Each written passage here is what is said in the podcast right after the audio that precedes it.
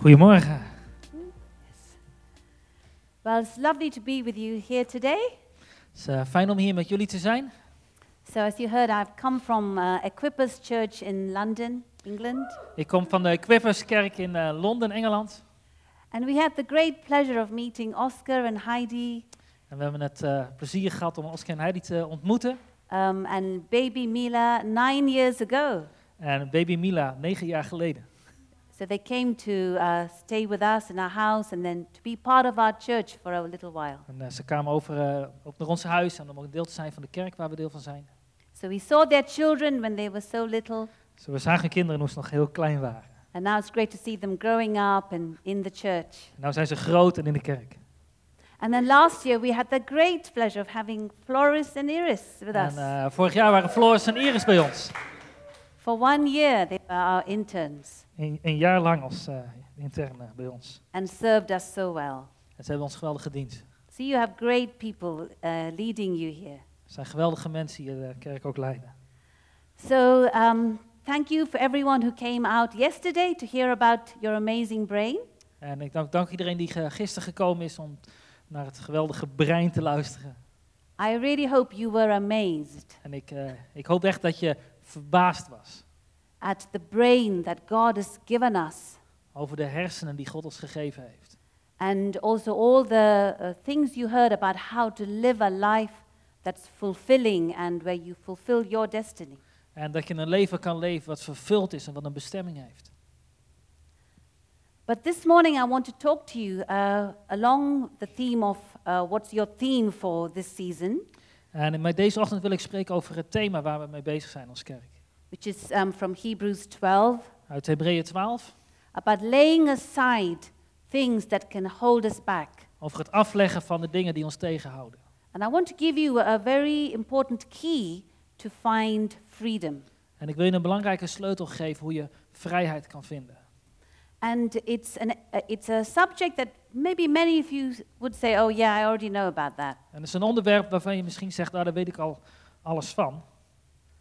But I want to share with you some extra uh, dimensions or consequences if you will live with this particular area in your heart. Maar ik wil je wat, wat extra eh, dingen meegeven, zodat het echt in je hart iets gaat doen. So I want to talk to you this morning about living in freedom through forgiveness. En ik wil spreken over leven in vrijheid door vergeving. Forgiveness. Vergeving. How many of you would say you know and you understand that you need to be forgiving people? Hoeveel weten dat je mensen moet vergeven? Put your hand up if you already steek je hand maar even omhoog. Okay. So, for those of you who are not sure about that, I just want to give you a bit of background. Nou, voor degenen die daar nog niet zo zeker van zijn, wil ik je wat achtergrond eh, geven. And Jesus talks a lot about forgiveness. Jezus spreekt vaak over vergeving. In Mark chapter 11, when he's talking about, you know, um, how we can throw down the mountains, En in Marcus 11 spreekt hij hoe we de muren kunnen neerhalen. mountains of things that stand against us, Eh, dingen die tegen ons inkomen. mountains of things in our heart. Een berg van dingen die in je hart kunnen zitten. He actually also adds, but when you stand praying, maar dan zegt hij ook, als je dan bidt, if you have anything against anyone, als je dan iets tegen iemand hebt, forgive them, vergeef ze.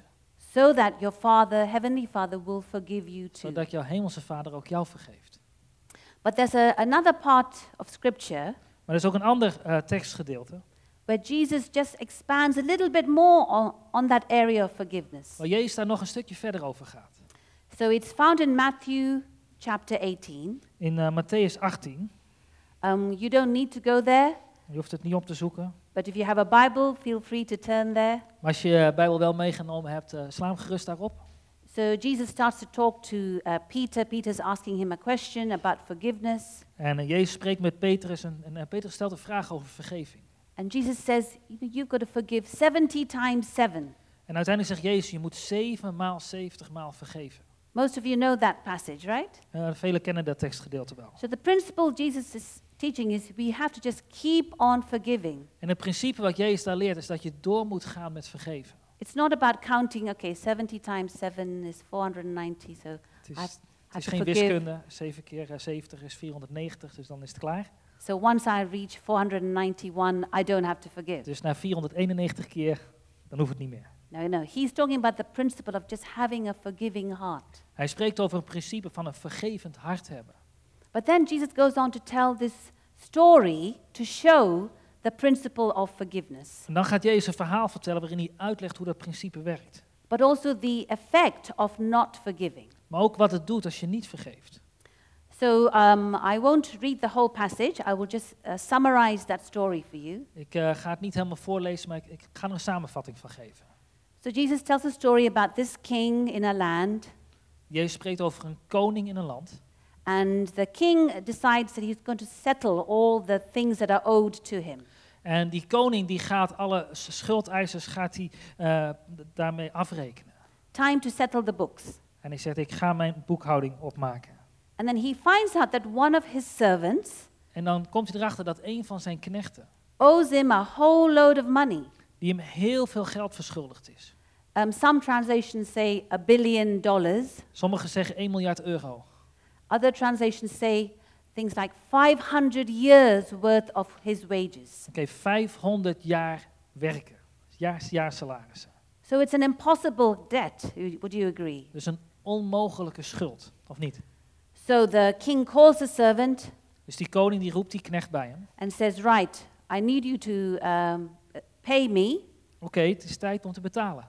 But since you clearly can't pay me, this Maar- is what I'm going to do. Maar natuurlijk, je kan niet betalen, dus, dus dit ga ik doen. I'm going to lock you up, Ik stop je in de gevangenis. your wife, your children. Zal jij, je vrouw als je kinderen. I'm going to take everything that you, uh, that you own, En ik neem alles wat je bezit.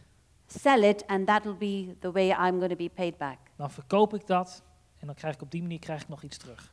And then you know the story. The, the servant falls to his knees and says, Please, please have compassion. I will repay you at some point. En die knecht die valt op zijn knieën en zegt, alsjeblieft vergeef me. Ik zal echt op een dag betalen. And then the Bible says that the king was moved with compassion, En dan zegt de Bijbel dat de koning medelijden kreeg. released him, En hem vrijliet. and forgave his debt. En zijn schuld vergaf. The king was moved with compassion in his heart, De koning werd bewogen in zijn hart met medelijden. released him, En liet hem vrij. forgave his debt. En vergaf zijn schuld. And then you know the story goes on. Then this servant who's now free, freed from all that debt, En nu deze knecht is dus vrij van die schuld. who should be so full and overflowing with the joy, Die zou zo blij moeten zijn. instead he goes and as he's walking along, Maar in plaats daarvan loopt, lo- loopt hij in het leven. Sees an, another servant who owes him, him some money. En dan ziet hij een andere knecht die hem ook iets schuldig is. And the Bible, uh, one translation says it's equivalent of a hundred days of wages. En een, een vertaling zegt dat is 100 dagen werken. So way less than what this man was forgiven for, Dus- right? Veel minder dan wat hij zelf vergeven was. But then the Bible says that this first servant grabs the throat of the second servant Oké, maar deze eerste knecht die pakt hem bij zijn nek. And says, You pay me now. Zei, jij moet me nu betalen. And when that second servant fell to his knees and says, I'm sorry, have compassion, I can't pay you, En die tweede die ging gaat ook op zijn knieën en zegt, alsjeblieft, vergeef me, ik, ik, ik, kan nu niet betalen. this first servant says, Right, we're going to put you into prison till you can pay me. Ik zei, oké, ik ga je in de gevangenis stoppen tot je mij betaalt. Then uh, that, that's what happens. And then the other servants hear about this and are very upset. En er zijn er andere knechten die horen dat en die zijn er overstuur van. And they go and tell the king. En ze vertellen de koning. The king calls this first servant. En dus die koning die roept die eerste knecht bij hem. And this is what he says En dit is wat hij zegt. You wicked servant, Jij slechte dienstknecht. I forgave you your debt. Ik heb jou jouw schuld vergeven. Is this the way you respond to my mercy? Reageer je op zo'n manier op mijn genade?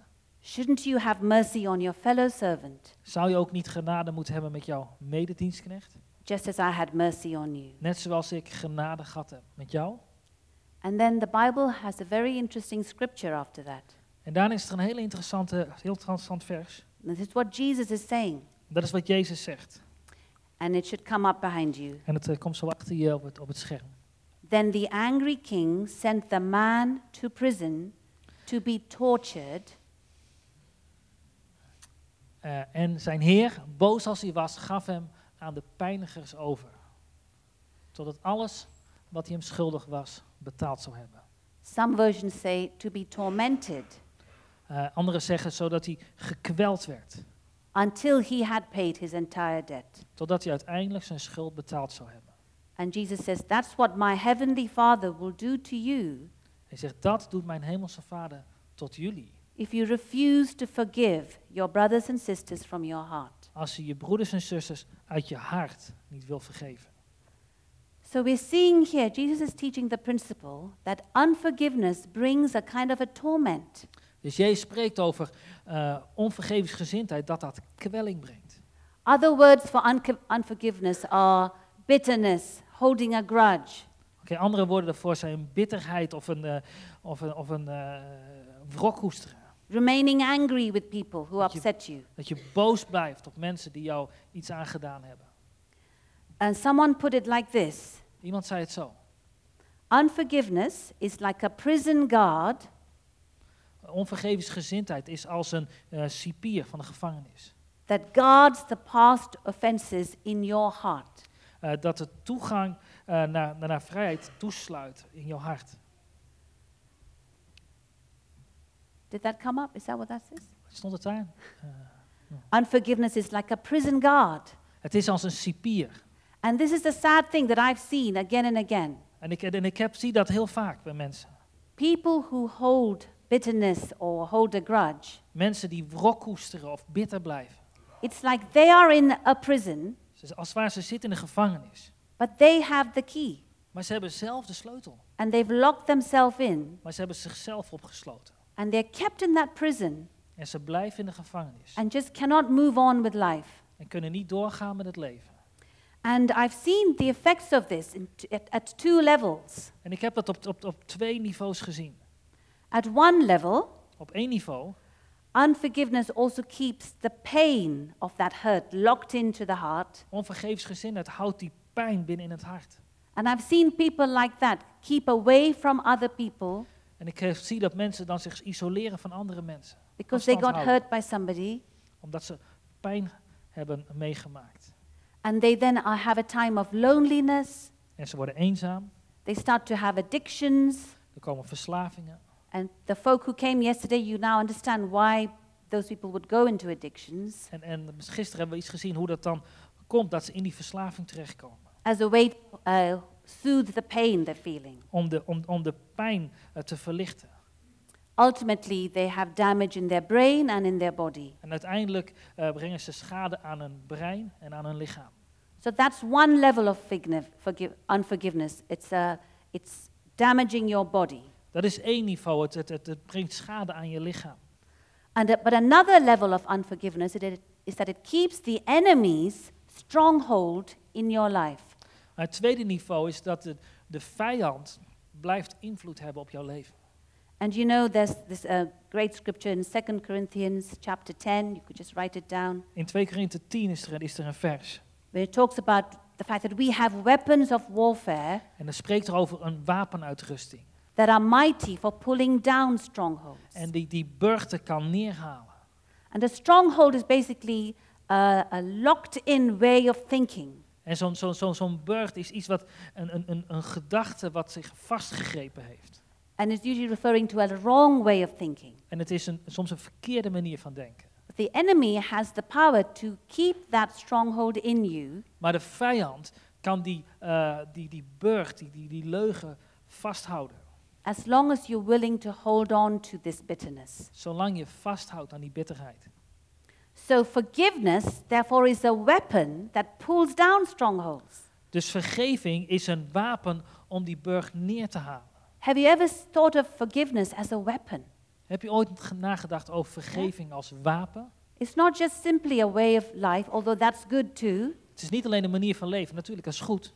But sometimes when you're dealing with um, heavy stuff in your life, you need weapons, right? Maar soms als je door moeilijke tijden heen gaat in het leven, dan heb je wat wapens nodig.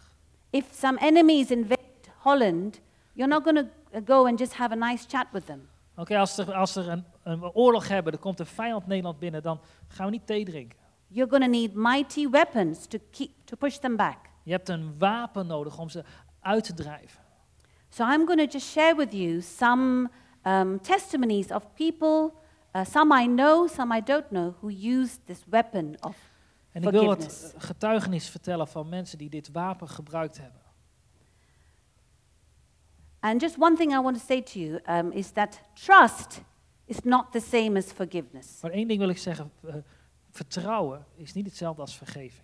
If someone was bad to you, someone really hurt you, Als iemand slecht voor je geweest is, je pijn Ehm, gedaan heeft, I'm saying to you, you need to forgive them, dan zeg ik je moet ze vergeven. but you don't necessarily need to trust them. Maar je hoeft ze niet te vertrouwen. Trust is earned by relationship. Want vertrouwen wordt verdiend in een relatie. Okay, so there's a difference. Dus er is een verschil. But let me just share with you right now just a few powerful testimonies of the power of forgiveness. Ik wil een paar getuigenissen met je delen over de kracht van vergeving. The first one is to share with you that forgiveness brings healing into your bodies. De eerste gaat over vergeving brengt genezing in je lichaam. So uh, many years ago, I went to America En een aantal jaren geleden ging ik naar Amerika. because I was interested in understanding what was the root cause with chronic diseases. En ik, eh, ik was heel erg gefascineerd over de, de oorzaak van chronische ziektes. Many of you know that I'm a, a medical doctor by background, Uh, velen weten van jullie, ik ben een, een, een dokter, een huisarts van achtergrond. so I've dealt with you know uh, people who've had long-term sicknesses or um, uh, what's the word, terminal illness. En Things ik, are going to kill you. ja, en ik heb eh, te maken gehad met mensen die, die lang ziek zijn en ook, ook terminaal dodelijk ziek zijn. But as a Christian, I knew that the Bible said that everyone who came to Jesus got healed. Maar ik weet dat de Bijbel zegt dat ieder die naar Jezus toe kwam, werd genezen. I know that God doesn't give us sickness to teach us a lesson. En ik geloof dat God niet ziekte geeft om ons een lesje te leren. God is a loving God. God is een liefhebbende God. He wants us well. Hij wil dat we het goed hebben. You see that throughout the New Testament. En je ziet het door het hele Nieuwe Testament. So uh, it, it perplexed me why Christians, many Christians, were still sick En, en ik, ben, ik, ik snap niet waarom dan zoveel christenen toch ziek zijn. in spite of prayer. Ondanks dat er voor ze gebeden wordt. So I went to this ministry and I started to learn about the fact that there could be roots and reasons why sickness can still be there. En ik ging naar deze, deze bediening en daar, daar leerde ik iets over de, de oorzaken en, en waarom mensen toch ziek blijven. So I heard this particular story, a testimony, which I'm going to share with you. En dus ik, ik, ik hoorde dit, dit getuigenis. So the pastor was telling us that um, a little while ago he had a phone call from a lady. En de, de pastor vertelde dat hij een telefoontje kreeg van een vrouw. She was a pastor's wife. Zij was de vrouw van een pastor. She had breast cancer En ze had borstkanker. and now it had spread to her bones. En het was eh, uitgezaaid naar haar botten. And the doctors had said, You've only got a few weeks to live. En de dokter zei, je hebt nog een paar weken om te leven. She had had all the prayer from all sorts of people, En heel veel mensen waren voor haar aan het bidden. but it was just getting worse. Maar het werd alleen maar erger. So as she spoke to this pastor over the phone, Dus ze sprak met die pastor over de telefoon. the pastor just prayed quietly. En de, die voorganger die, die, die bad gewoon zachtjes. And then he asked her this question En, en hij stelde haar deze vraag. Did someone hurt you really badly in your Heeft life? iemand jou echt heel veel pijn gedaan in je leven? And straight away she said, Yes. En onmiddellijk zei ze ja. Uh, my son in law, when he left my daughter for another woman. Mijn schoonzoon heeft mijn dochter verlaten voor een andere vrouw. And then this pastor said, Well, how are you when you see him? En, en dan vroeg die voorganger, maar hoe gaat het dan met jou als je hem ziet? Because that son in, ex son in law now comes to collect the children. Want die, die, die, die ex-schoonzoon, die, die, die komt gewoon de kinderen ophalen. And then this lady said, I can't stand to see him. Hij zei, ik, ik, ik kan hem niet uitstaan. I hate him Ik haat hem. for the pain he brought into my daughter's life. Vanwege de pijn die hij gedaan heeft aan mijn dochter. So the pastor waited a few moments and he said, Well, En de pastor wachtte even en zei, nou, you know what the Bible says about forgiveness? weet je wat de Bijbel zegt over vergeving? What do you think? Wat denk je? And she said, Okay, I can see I need to forgive. En zei, oké, ik snap het. Ik moet vergeven. And the pastor said, Do you want to forgive because you want to be healed or because it's the right thing to do? En, en, en de voorganger vraagt, wil je vergeven zodat je genezen wordt? Of gewoon omdat het het juiste is om te doen? Dat het goed is. She paused for a few moments En ze wachtte eventjes and she said, Because it's the right thing to do. en zegt, ja, dit moet ik doen, het is goed. And he said, Good. And then he led her through a prayer of forgiveness. Oké, en toen zijn ze samen zijn ze gaan bidden. And then he said, Go to the doctors in a week's time and just ask them to check you out. En dan zei hij, ga of over een week ga naar de dokter en, en, en laat je opnieuw checken. When she went to the doctors, En ze they ging naar de could not find one trace of cancer. en ze konden helemaal geen kanker meer terugvinden. Isn't that awesome? Can we just give God Is dat niet geweldig? Kunnen we daar God niet voor prijzen? There's something there about the forgiveness just released a miraculous power. Er is iets dat vergeving iets wonderlijks vrijmaakt. And yesterday we were asked, we were wondering this question as we heard about placebos, En gisteren hoorden we dingen over, over placebo's en ik kreeg wat vragen. Whether it's God releases something Of dat God iets vrijmaakt. or, or a healing response is triggered in you. Of dat genezing iets is wat vanuit jezelf komt. I don't know, En eerlijk, ik weet het niet. and I don't care. En, maar het maakt me ook niet uit. I just know that God wants us well, Ik weet alleen dat God wil dat het goed met ons gaat. and He'll do it any way He wants. En dat doet hij het op een manier zoals hij dat wil. So that was a, a great story of forgiveness that brought healing. Dat is een geweldig verhaal over hoe vergeving genezing brengt. Um, let me share another story. Nog een ander verhaal. So there was a lady um, that uh, in our church uh, some years ago who had a chronic condition. En er was een vrouw in onze kerk die had een, een, een chronische ziekte. Her, her arms were stiff like this, and her whole body was bent. Haar armen waren helemaal stijf en ze, ze ging gebukt door het leven. And the doctor said, You've got an incurable condition, En de dokter zegt, het is, dit, dit kan niet genezen. and all we can do for you is to put a electrode in your brain. Maar we kunnen wel een elektrode plaatsen in jouw hersenen. So she was going to have like a rod sticking out of her head, En dan zou er een, een soort stokje uit haar hoofd steken. connected to like a little box like this. En dan zat er een doos hier aan de achterkant. And she was going to walk around like that for the rest of her life. En de rest van haar leven zou ze zo rond moeten lopen. And even then, they, could, they weren't promising that she was going to be cured. Maar er was geen belofte dat ze ooit genezen zou worden. So my friend and I just uh, heard about her and just visited her En een, een vriend van mij hoorde dat en die ging op bezoek. and, and heard her story, a very sad story of her childhood. En hoorde dit hele trieste verhaal dat ze al sinds, sinds kinds af aan had. I don't have time to go into the whole story, of, En ik, ik, ik ga niet het hele verhaal vertellen, er is geen tijd voor. but we just taught her these principles that I'm teaching you, particularly forgiveness. Maar ik leerde haar deze principes over vergeving. You see, one area was that her father had always uh, had only wanted boys. Eén ding was, haar, haar vader wilde eigenlijk alleen maar jongens. She was obviously a girl, En zij, duidelijk een meisje.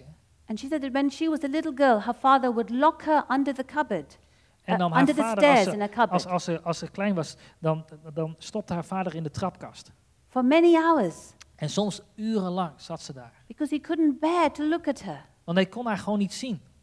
I mean, if he did that now, he would be put into prison, Als right? je dat nu zou doen, zou, zou ze hem eh, opsluiten. But she was about 70 years old. Maar zij was nu, nu 17 jaar oud. Anyway, we just took her through um, all our teaching and we just uh, helped her to be able to forgive her father. En we gingen door een heel proces heen en we leerden haar om haar vader te vergeven. It took her a little while, but she got there. Oké, het, het duurde eventjes, maar ze kwam er wel. And do you know what? Week by week, her body started to uncurl. Weet je wat, week aan week aan, haar lichaam kwam steeds meer omhoog. And one day, she was able to stand in church in the front row and look up at the screen and praise God. En op een dag stond ze vooraan in de kerk, helemaal rechtop. De hoofd omhoog en God te prijzen. Isn't that an awesome miracle? Is dat niet een geweldig wonder? And when she went to see the doctors, they said, Oh, En ze gingen naar de dokter en de dokter zei, oh, we don't know what happened. geen idee wat er gebeurd is. Somehow your body's gone into remission. Je- jouw lichaam heeft, heeft zichzelf hersteld. You see, science can't explain the miraculous power of God. Kijk, wetenschappers kunnen de wonderlijke kracht van God niet begrijpen. So that's the power of forgiveness bringing healing. Dat is de kracht van vergeving wat genezing brengt. Let me share with you a story of uh, forgiveness that released a miracle in someone's life. Laten we ook spreken over een, een, een getuigenis van een vergeving wat een wonder vrijmaakt. There was this couple in our church, Er was een echtpaar in ons in de kerk. They were leaders of kids, uh, of youth ministry. Ze hadden een, eh, een, een, een kinder, kinderkerkbediening. So they understood about forgiveness and walking in love and all these things. En ze begrepen natuurlijk vergeving en, en, en wandelen in liefde. But they found themselves, um, the woman was seven weeks pregnant, Eh, maar deze vrouw, ze was zeven weken zwanger. and she went for a scan, En ze, ze gingen een scan eh, ging ze ondergaan. and the doctors said, Oh, we're so sorry, there's no baby, but there's only the sac in your womb. En eigenlijk zei ze, het is een schijnzwangerschap. Er is alleen een zakje, maar er zit geen baby in. So even by five weeks, there should be a little beating heart. Want we zelfs na vijf weken dan, dan kun je al een, een, een hartklopping eh, zien op de, op de scan. But she was seven weeks, and it was an empty sac. En zeven weken, maar alleen maar een lege zak. So the doctor said, I'm really sorry, but you know, we just have to send you for the operation to clear the womb. Oké, en dan zeiden de, de, kunnen we niks aan doen, gewoon operatie en dan moet die de zak moet leeggemaakt worden. En, dan, eh. So they decided to come and see me and my husband for some prayer. En dus ze kwamen naar mij en mijn man toe om, om samen te bidden. And um, as we just um, prayed, we just said, God, show us what's going on here. En wij baden, God laat zien, wat, wat is hier aan de hand? And what we uncovered was that the husband, En uh, wat, when he heard that the wife was pregnant, en wat we hoorden, de, de man, toen hij hoorde dat zijn vrouw zwanger was, something was stirring in him er is iets gaande in hem. That he got afraid of how he was going to be able to afford to have a baby. En hij was een beetje bezorgd van hoe kan ik nou zo'n baby, dus dat is hartstikke duur. There was a fear that was rising up in his heart. En er was een, was een angst in zijn hart. So we said to this husband, um, Listen, we're sensing this. Is this true? En we zeiden, nou, dit is wat we ervaren. Klopt dat? And he said, Yes, actually, it is true. Hij zei, ja, dat klopt, het is waar. So we just said this. We said, we think that your, the fear that you're having is somehow affecting this baby. En zeiden, wij geloven dat, dat die angst die je hebt, dat heeft een effect op de zwangerschap.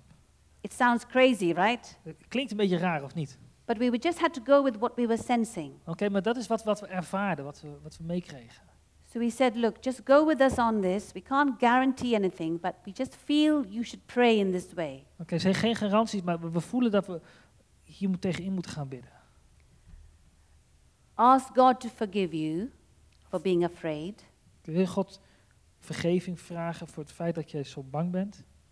But forgive yourself Maar, for entertaining this fear of finances. maar, maar vergeef ook jezelf voor die, die, die angst met betrekking tot financiën. See, many of us have actually done things where we are carrying things and we know we shouldn't. Kijk, soms, wij allemaal geloof ik, dan, dan dragen we soms dingen met ons mee die we Zo eigenlijk niet mee zouden moeten dragen. So forgiveness is not just about forgiving others. Sometimes we have to forgive ourselves for mistakes we've made. Vergeven is niet alleen dat je anderen vergeeft, maar soms moet je ook jezelf vergeven voor de fouten die je gemaakt hebt. Anyway, he was willing to do that and we prayed with him. En hij was gewillig dat te doen, we baden met hem. And then we just said, God, you know, we just ask you to do a miracle. Would you just Zeg, God, wilt do u, whatever een, you can, Lord? wilt u een wonder doen? Doe, doe wat u kan. And then I said to the lady, ask the doctors if you can just delay this uh, operation for one week En ze vra- vragen aan de dokter of hij misschien die operatie één week wil uitstellen. and ask them to scan you again before they do the operation. En, en of je dan op- op- opnieuw een scan mag ondergaan. Do you know what the doctors found? En weet je wat de dokters vonden? An eight week baby in her womb. Een acht weken oude baby in haar baarmoeder. Like, how did that happen? Hoe kan dat? I have no idea. Ik, ik snap er zelf ook niks van. But I just know God, we can trust God for miracles when we are willing to do what we need to Maar do. ik, ik, ik weet, we kunnen God vertrouwen voor wonderen als, als, wij hem volgen. So that little girl is now like 15 years old. Dat meisje is nou 15 jaar oud. Cool. So forgiveness releases miracles, forgiveness brings healing. Dus vergeving brengt genezing en brengt wonderen. And so now the third testimony is just about how forgiveness will change destinies. En het derde voorbeeld is hoe vergeving jou, jouw toekomst, jouw bestemming kan veranderen. And this was a situation where uh, a man who'd been suffering from depression, Hier was een man die was depressief. so I talked about depression yesterday. En gisteren hadden we het over depressie. Suff- been suffering for about three or four years, hij was al, al drie, vier jaar lang depressief. and he could not sleep at night. En s'nachts kon hij niet slapen. So he was exhausted. Hij was moe, uitgeput. He tried everything. He'd been to the doctors, he'd been to different kind of spiritual people, Hij ging naar de dokter, naar allerlei geestelijke eh, mensen. He didn't actually believe in Jesus, Maar hij geloofde eigenlijk niet in Jezus. but he was desperate. Maar hij was wanhopig. So his friend suggested to him that he comes and sees me and my husband. En een vriend van hem zei, kom, ga, ga naar Lavniaans en, en, en, haar- en haar man. So we said to him, um, okay, um, you know, we can help you, but we are going to pray, but we'll pray to Jesus. Is that okay? En we zeiden, oké, we kunnen je misschien wel helpen, we- maar we willen bidden. Maar we willen wel bidden tot Jezus. Vind je het goed? We said only Jesus um, can do miracles. Alleen Jezus kan wonderen doen. So he said, yes, yes, please, anything. Hij zei, ja, pries, wat, wat dan ook, doe maar.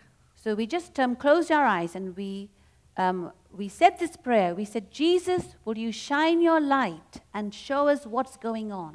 En hij zei, oké, doe je ogen maar dicht. En we begonnen te bidden, God, schijn uw licht, laat zien, wat is, wat is hier gaande? If you're here and you pray for other people, that's a great prayer Als je hier bent en je bidt voor andere mensen, dat is een geweldig gebed om te bidden.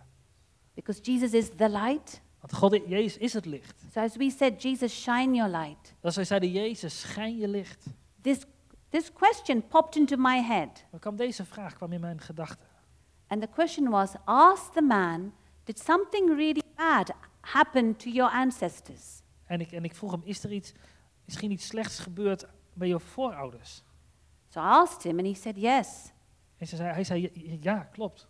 He said, My grandfather was a, a very rich man, Mijn, mijn grootvader, mijn opa was heel rijk. but he committed suicide, Maar hij pleegde zelfmoord. probably from depression, right? Waarschijnlijk vanwege En- depressie. And so the family lost everything, all the money, En de familie is alles, al het geld kwijtgeraakt. and brought poverty into the family. En, en er kwam armoede in het gezin. I said, uh, I see. En ik zeg, ja, ik snap het. And I, and I said, Look, I feel like for you to get your healing, we have to forgive your grandfather. En ik zei, dat, ik, ik geloof dat je voor jouw opa moeten vergeven. We have to forgive him for committing suicide Dat we hem vergeven voor het feit dat hij zelfmoord gepleegd had. And thereby allowing poverty and depression to come down the family line. En dat daardoor depressie en armoede in de familielijn gekomen is. You might think this is strange, forgiving somebody who's dead, who I can't even talk to. En je denkt, vreemd, iemand vergeven die al lang dood is, waar je niet meer mee kan praten. But you see, these spiritual, uh, these principles are affect the spirit realm around you. Oké, maar deze principes hebben een effect op, op, de, op, op de geestelijke wereld om jou heen. Well, the man was willing, and so we just led him to a short prayer to forgive his granddad. En de man was gewillig en we, baden heel kort om zijn opa te vergeven. And we just prayed a blessing over him, and we just said, you know, we tell this depression to go, and we just sent him away. En, en, en we baden zegen over hem en we, en we, en we stuurden de depressie stuurden we weg. Well, the next day, the friend who had brought him to us De volgende dag de vriend die hem eh, naar ons toe had gebracht, tried to phone him in the morning. probeerde hem in de ochtend te bellen.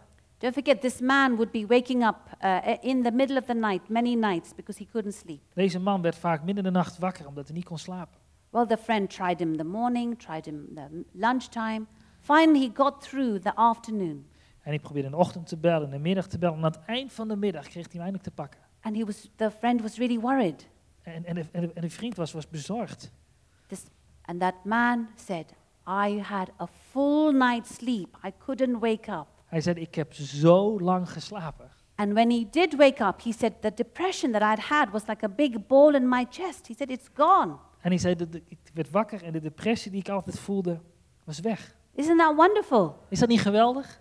But here's even more exciting.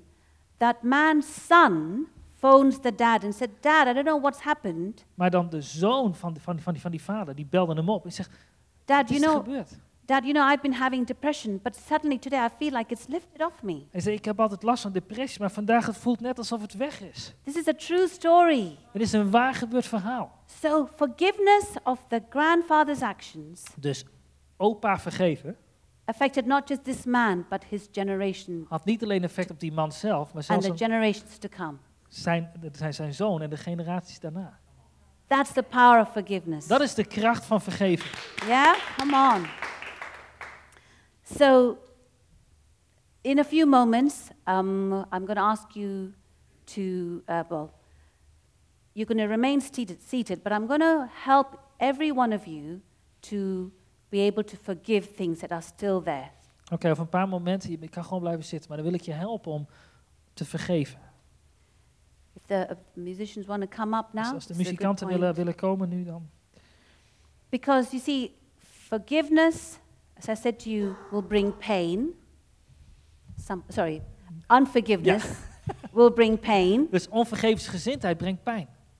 And sometimes people don't know how to deal with that pain. En soms begrijpen mensen niet hoe ze met die pijn moeten omgaan.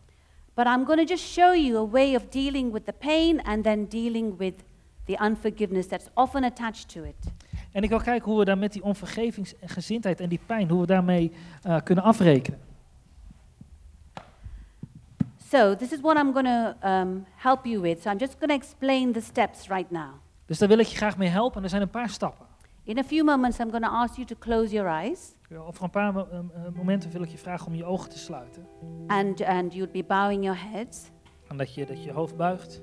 And I'm just going to ask you to just sense do you still ha- do you have some pain in your heart? En dan moet je jezelf afvragen van, voel ik nog pijn in mijn hart? Some pain from when somebody hurt you. Pijn van wanneer iemand, wanneer iemand jou pijn gedaan heeft. Another way to, to do this is to just say, God, what pain do you want me to deal with today? Je zou kunnen vragen van God, met welke pijn moet ik afrekenen vandaag? And, um, you know, you, I could just say to you, oh, whoever it is that hurt you, just forgive them. En ik had makkelijk kunnen zeggen, wie jou ook pijn gedaan heeft, vergeef ze gewoon. Sometimes it's not easy. Maar, maar soms is dat niet zo makkelijk. And here's a way that will really help you to be able to do it today. En op deze manier zou, je- zou het misschien wel kunnen vandaag. So, what you will then do is you're going to actually picture, if you can, picture the person who hurt you so bad. Oké, en, dan, en dan probeer dan dat, het gezicht van die persoon te visualiseren voor je. And then you, you're going to ask God, God, how do you see this person? En, en, en dan vraag je aan God van God, maar hoe ziet u die persoon? What do you think of that person, God? Hoe denkt u over die persoon? And I'll just give you a clue because I this happens every time. En ik, zal- ik zal je voor het vertellen wat er gaat gebeuren. You will see that God sees them with compassion En dan zie je dat God kijkt naar die persoon ook met, met medelijden. because only God knows why that person turned out that way to be so mean to people. Want alleen God weet hoe die persoon zo geworden is, hoe zo gemeen soms geworden is. Most probably they went through their own pain and grief of some kind. Ze hebben een eigen pijn en een eigen verdriet. You've heard the expression, hurting people hurt people. Je zegt, ze- soms zeggen mensen van, als je mensen pijn doet, dan is dat vanwege de pijn die je zelf hebt ervaren. But just as that king in that Jesus' story could have compassion on that servant, En net als die koning eh, medelijden had met die knecht, God will enable you to have compassion on this person. zal God ook jou helpen om ook medelijden te hebben met die persoon. And then I'm just going to ask you to take a few seconds to say, God, I hand you all this pain. En dan neem een moment en zeg, God, ik, ik geef u de pijn. And we can do that because we know that Jesus took pain on the cross En dat kunnen we doen, want we weten dat Jezus die pijn van ons overnam aan het kruis. so that we don't have to put up with pain in our lives. Zodat wij niet met die pijn hoeven te leven in ons leven. And then you're going to be saying, I forgive you to that person that you're imagining. En dan kun je tot die persoon die je voor je ziet zeggen, ik vergeef je.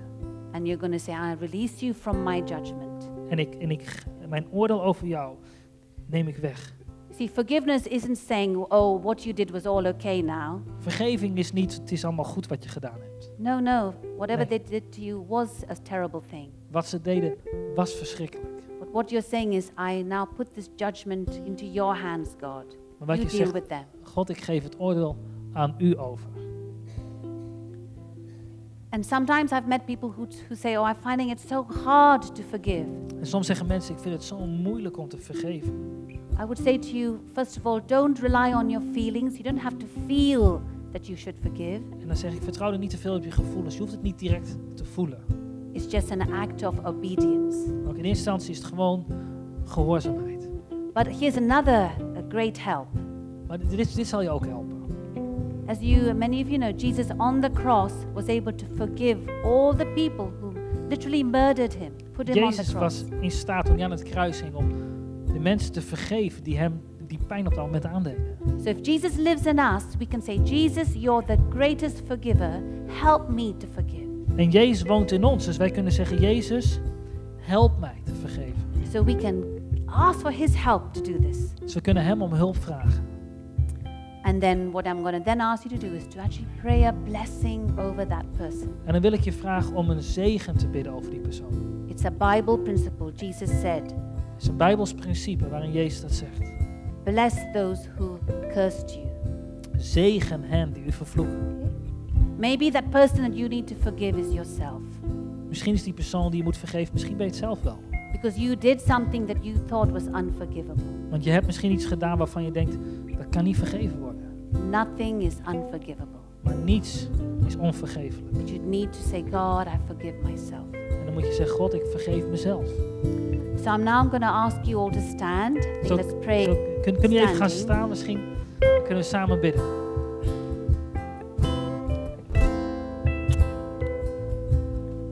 If we could just have the lights up a little bit. Oké, mag er misschien een klein beetje meer licht in de, in de zaal? Before we pray, I just want to give an opportunity because we're talking about praying with the help of Jesus. Oké, dus als we bidden, eh, laat me één ding met even helpen dan. Maybe you're here today and you've never asked Jesus to come into your life. Misschien ben je hier vanmorgen en je hebt nog nooit Jezus gevraagd om een deel te zijn van jouw leven. And maybe today, from what you've heard, you think, I need Jesus. En misschien denk je deze ochtend wel, ja, die Jezus, die heb ik nodig. I need his healing power. I need his miracles in my life. Ik heb zijn genezing, ik heb zijn wonderen nodig in mijn leven. I realize I can't do life on my own. En ik, ik kan het leven niet op mezelf leven. Do you know we were never meant to do life on our own? Kijk, we zijn er niet voor gemaakt om alleen te leven.